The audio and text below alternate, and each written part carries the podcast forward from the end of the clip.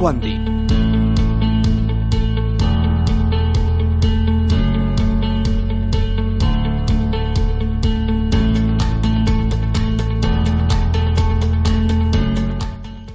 Hola, molt bona tarda i benvinguts de nou al programa Capi Quanti, el programa del Cap Manlleu.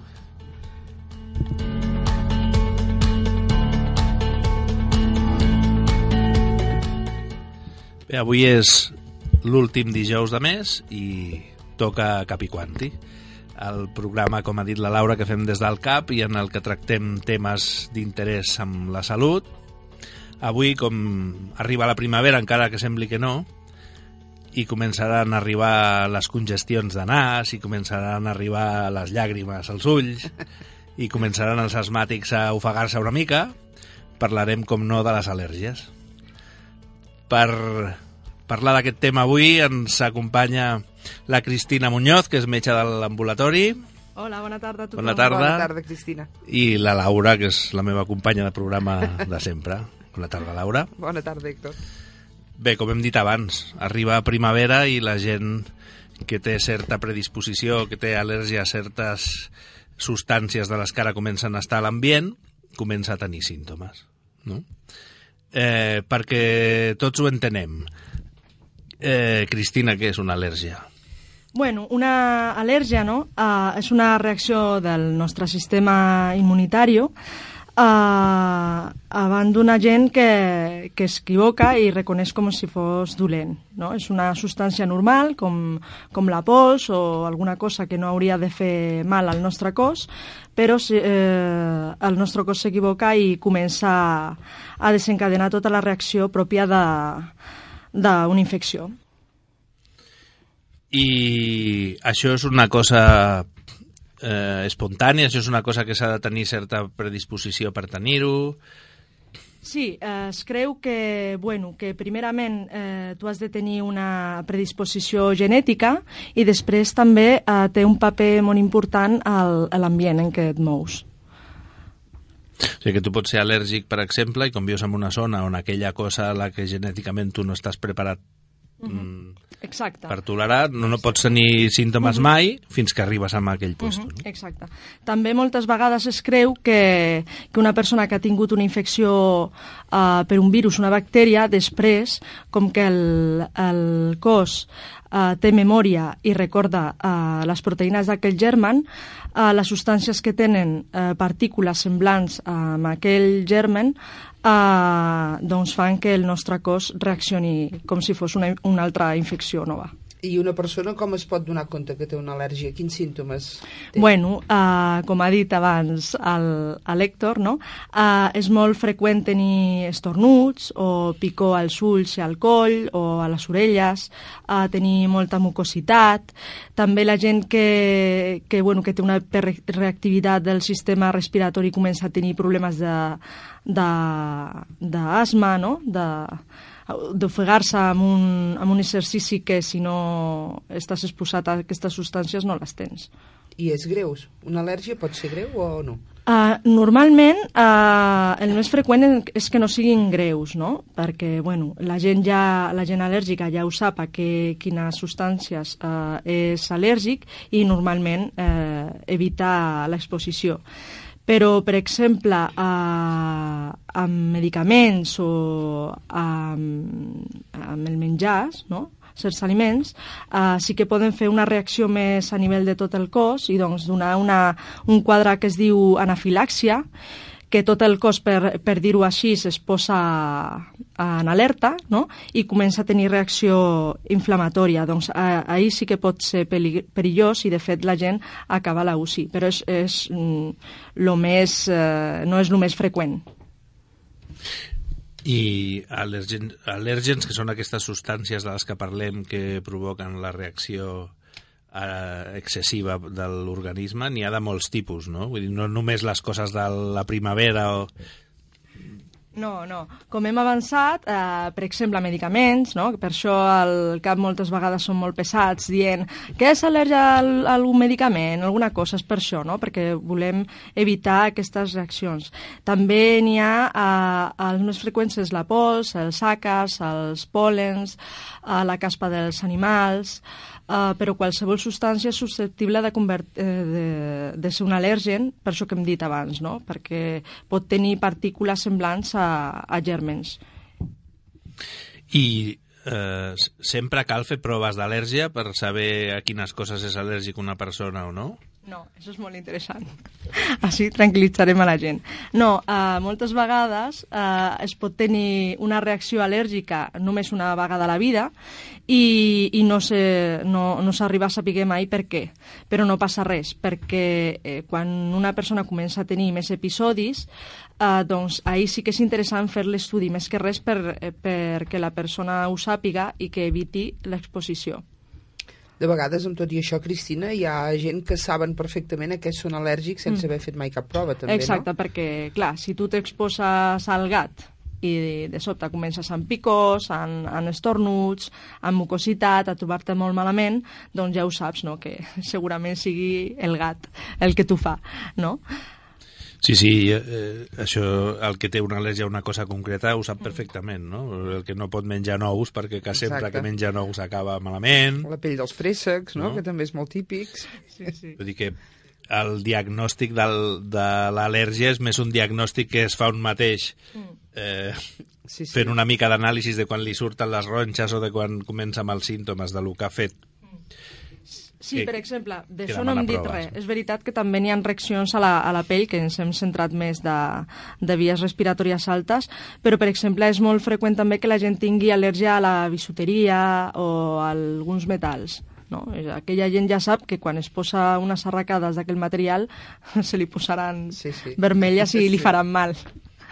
Clar, i a més a més, també s'ha de tenir en compte que aquesta gent que ja sap que té al·lèrgies a alguns metalls pot tenir al·lèrgia també a alguns tintes foscos, per exemple, de la roba eh, blau marí o roba negra o aquests marrons foscos, perquè aquests tintes també porten a vegades metalls, no? Exacte, sí, sí, sí. sí. I, I això, moltes vegades tu saps que ets al·lèrgic al níquel uh -huh. o al plom. I, i acabes amb una urticària perquè t'has posat una samarreta i, i no associes el tema. No?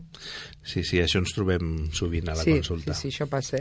I llavors, eh, parlant de tot això, si hi ha tantes coses que poden fer al·lèrgia, pot haver-hi algú que tingui una al·lèrgia a algun material que el faci servir cada dia a la feina, per exemple? Sí, eh, per això és interessant, sobretot, eh, les persones que quan estan al treball veuen que arriben a casa malament, però que després, si el cap de setmana es posen millor quan van de vacances, segurament sigui una cosa que és del, del treball.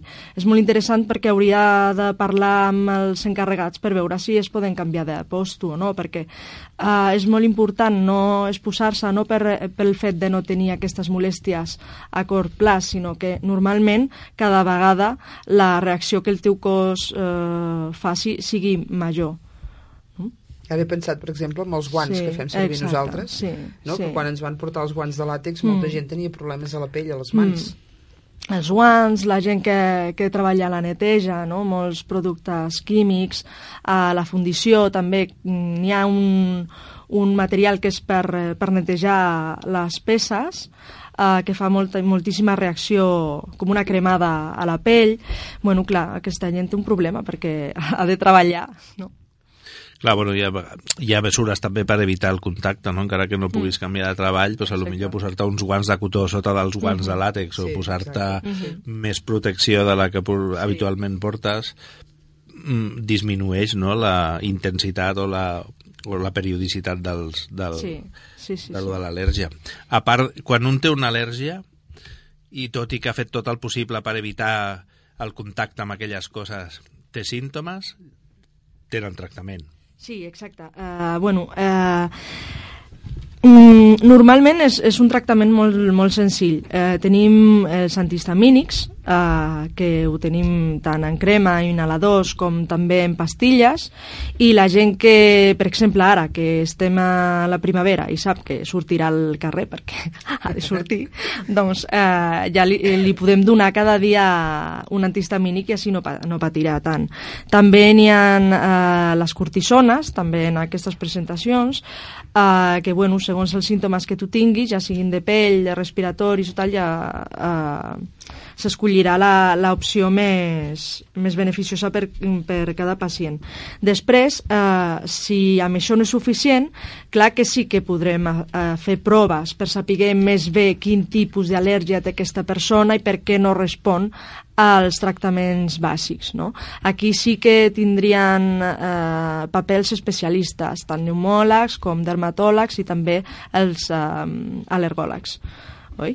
I ja són eh, tractaments més nous, no? però que són més, per nosaltres els metges de família més estranys, no? el Montelucas, els antileucotrients, eh, o sigui que sí, n'hi ha, ha molts eh, tractaments encara que no puguis evitar l'exposició perquè hi ha molta gent que es queixa que quan pren antihistamínics té molta son. Exacte, també, també, no? això, eh, clar, uh, també pots tenir efectes adverses i, i, i s'han de, de pal·liar d'alguna manera. Una opció molt interessant que ara es fa servir més en nens que en adults són les vacunes, Uh, les vacunes que no són injeccions, són en forma de, de pastilles també. I, mm. bueno, és com una, eh, una mini exposició a l'al·lèrgen, doncs eh, de manera mm, controlada aquesta persona va creant per si mateixa eh, anticossos o per dir-ho així i no farà tanta reacció com, com si no fessi aquest tractament. És el, el, que, el més nou ara mateix de tractaments. Llavors, entenc que les proves d'al·lèrgia s'haurien de fer en casos d'al·lèrgies molt severes, no? o quan els tractaments habituals no acaben de funcionar per decidir si hi ha algun tractament alternatiu d'aquests de segona línia més, més eficaç. No? I si les proves d'al·lèrgia surten negatives, vol dir que no ets al·lèrgic a res? Això és una cosa que molta gent ho pregunta, no? I, i, i hauríem de dir que no fem proves d'al·lèrgia de totes les substàncies del món. Vull dir, el, el test de, de sensibilització aquest que es, que es fa a la pell de, per determinar les coses a la que un té al·lèrgia o no, té 28 substàncies, que són les 28 coses més freqüents. Que surti tot negatiu, l'únic que vol dir és que no ets al·lèrgic a cap de les 28 coses més freqüents, però potser ets al·lèrgic a altres coses, no? Exacte, sí, sí. I que, que moltes vegades la gent té molta confiança en els estudis d'al·lèrgia i en un percentatge important no són concloents perquè són al·lèrgies que no són freqüents. Bueno, és que de substàncies n'hi ha moltíssimes, moltíssimes no? evidentment. És molt difícil a vegades trobar-ho. Bueno, també com parlaven abans, és interessant si tu tens una al·lèrgia a alguna gent del, de la feina, no? Per poder um, començar mesures de pues, guants, no? canvi de tipus de guants, aquestes, aquestes mesures que dèiem abans. Llavors a casa, per exemple, una persona que té un nen que té al·lèrgia a la pols o coses d'aquestes, hi ha mm. algunes mesures que pot prendre ell a casa? Eh, bueno, a, als nens que normalment tenen... Eh, nens clar, o adults, eh? Ara dit nens, sí, però... sí. Eh, en el cas dels nens és veritat que sempre ho fan tot de manera sistèmica, no? No és que tinguin... En els adults, si tens estornuts, no, te, no és més freqüent que tinguis també eh, símptomes a la pell oi? Però en un nen normalment és, ho tens tot. Uh, bueno, primer, eh, ventilar bé el domicili, uh, intentar de no tenir moltes coses que acumulin pols, per exemple, peluches uh -huh. o... Catifes, Exacte. no? Sí aquestes coses, uh, netejar normalment amb productes que evitin la pols, Sí. Ara que dius això de netejar, m'has fet pensar que hi ha molts aspiradors que diuen en filtre, antiàcars... Eh... Això realment és efectiu o no? Bueno, jo crec que sí. Jo crec que sí, no? Quantes més coses... Ara també sé, eh, haurà de veure quin tipus de... No? N'hi ni haurà de nivell, nivells no? de qualitat de, de filtres. Evidentment. perquè hem parlat del pols. Eh, al·lèrgies d'altre tipus, per exemple, doncs a, a, als que són al·lèrgics al polen, no? aquests del carrer. Consells que podríem donar per a una persona que és al·lèrgica al polen ara que comença a haver-hi pòlens per tot arreu. Pues, no sé, aviam, el polen normalment dins de casa no hi és, no? Perquè tenim finestres, Clar. perquè eh, hi ha distància i hi ha, hi ha sistemes perquè no entri, però evitar, a lo millor intentar sortir al carrer no? quan fa vent, Exacte. no? que es remou tot més, Sí. Quan ha plogut. quan ha eh, plogut... O també, eh, bueno, eh, complir ben bé el, el tractament, oi? S'ha de tenir en compte que si tu ets al·lèrgic i encara que prenguis el medicament tens sensació de que els símptomes no estan controlats, bueno, eh, consulta amb el teu metge perquè segur que n'hi ha més eines per fer i més coses per fer Clar. i per ajustar la, Mhm. la medicació. Doncs dins del que parlàvem de mesures d'evitació seria aquesta, no? Pues si tens al·lèrgia al pollangre, pues no anar a la vora del riu i canviar els itineraris de fer exercici, no? Si Tot i és que el aquí a xiprés... Manlleu és difícil, eh? Perquè Aquí és quan difícil. surt aquell burro blanc... Sí, sí, sí, sí. Eh? Bueno, això és quasi, quasi una evitació visual, no? Quan veus tot allò blanc a l'aire, anar cap a l'altra Bueno, banda. també seria interessant que, bueno, n'hi ha moltes plantes, no? Al, al carrer es podrien posar aquelles que, que, no, produ eh, que no produeixin Que no, tanta... que no siguin tan al·lergèniques. Sí, sí. I vacunes n'hi ha per tot? No, no n'hi ha per tot vacunes, és que clar, és el mateix. Clar, perquè la vacuna és el tractament, diguem-ne, ideal, no? Perquè si aconsegueixes fer una desensibilització amb les vacunes, diguem-ne que l'al·lèrgia es cura, però clar, no es, mm, vacunar es pot vacunar poca gent, Sí, exacte. perquè no tenim vacunes per tot i, i tampoc i, i també és un requisit perquè això funcioni que et siguis al·lèrgic a poquetes coses. No? És veritat, eh, no sé si canviarem una mica de tema, però la gent que comença a ser al·lèrgica a la fruita, és veritat que després d'un temps comença a, a tenir més, més al·lèrgies. No? Això s'ha de tenir en compte, que, que, bueno, que l'important de tenir-ne una al·lèrgia ben controlada és que després no, no sigui més greu, no? No, no sigui un problema més, més greu i, i que agafi altres substàncies que al principi no hi eres al·lèrgic. A vegades pot ser, Cristina, que es confon una mica, sobretot amb els nens, eh? El que és una al·lèrgia, el que és una intolerància, sobretot amb els aliments. Jo crec que sí. Jo crec que sí. Eh, un intolerant no arriba a tenir eh, una clínica d'al·lèrgia eh, evident, no? Per exemple, la gent que, que és intolerant a la llet sí que la pot eh, veure perquè no li fa cap mena d'inflamació ni res, però és veritat que tindrà molèsties abdominals al, al veure. Um, sí, eh, si és, el, el pacient que sí que és al·lèrgic a la llet no ho podrà veure perquè podrà fer una anafilàxia. Sí, sí que tindrà tota, tindrà tota la reacció aquesta que comentàvem abans. Al·lèrgies hem dit abans que havia molts graus, no? Hi ha des de la gent que té símptomes molt, molt, molt petits fins als que quasi, quasi sí. acaben a la UCI, no? Per, per aquesta causa. I després hem de parlar també que hi ha, hi ha problemes si parlem de, a nivell respiratori, que potser és el que preocupa més, perquè és quan un s'ofega o quan un comença amb pitus, no? que moltes vegades hi ha gent que té una hiperreactivitat bronquial, que vol dir que el seu bronqui reacciona més a substàncies que en teoria no tindrien que donar ningú problema però que no és al·lèrgica no? Uh -huh. que són aquests casos de gent per exemple que quan comença la primavera o quan comença el polen no són al·lèrgics al polen però comencen amb aquesta tos uh -huh. que no hi ha manera de treure-la que, que no respon bé als antitosígens normals i que és degut a això no? i que a vegades Exacte. els tractaments que donem de l'al·lèrgia no són potser els Idonis. idonis, però milloren bastant la sintomatologia perquè baixen una miqueta també la reactivitat aquesta. En aquest cas hauria de, hauria de tenir-se més en compte que a lo millor aquesta persona no és que sigui al·lèrgica, sinó que a lo millor té una, una malaltia tipus asma o, o més respiratòria, no? Aquí, a lo millor, el pneumòleg sí que ens podria ajudar més. Llavors, eh, fem una mica així com de resum de lo que hem dit. Jo puc fer un incís un moment? I tant, sí, sí.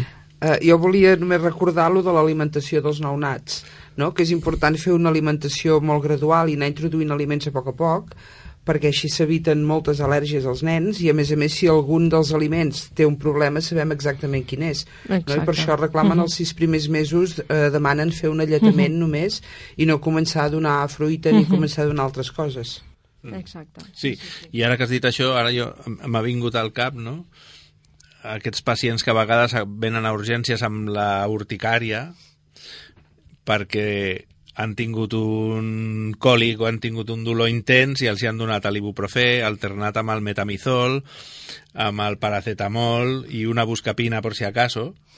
Clar, comencen de cop cinc medicaments I no i no podem saber mai quin dels cinc ha sigut, no? sí, sí, sí, és així S'hauria de treure tot i tornar a començar.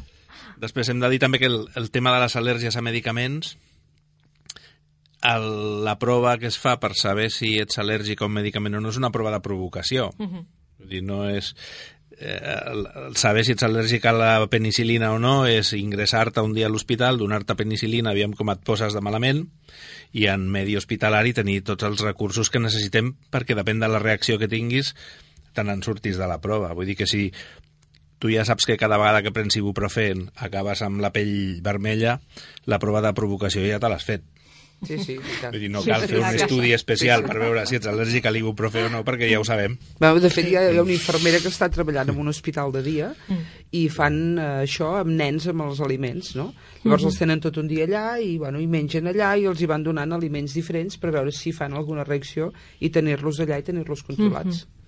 Uh, aniria molt bé que la gent que sap que és al·lèrgica a un medicament i que ho té identificat sapigués el nom i quan va al metge i, i li demanin eh, ho sap, sàpiga quin és, no? Perquè mm, si un sap que és al·lèrgic a un antibiòtic però no sap quin és, eh, es presenta una limitació molt gran, perquè clar, ahir ja què fas? Te- T'enrisques, eh, tires per endavant, jo crec que ens ajudaria a tots, a nosaltres els metges i a ells, que sapiguessin quin medicament és, que no és tan difícil.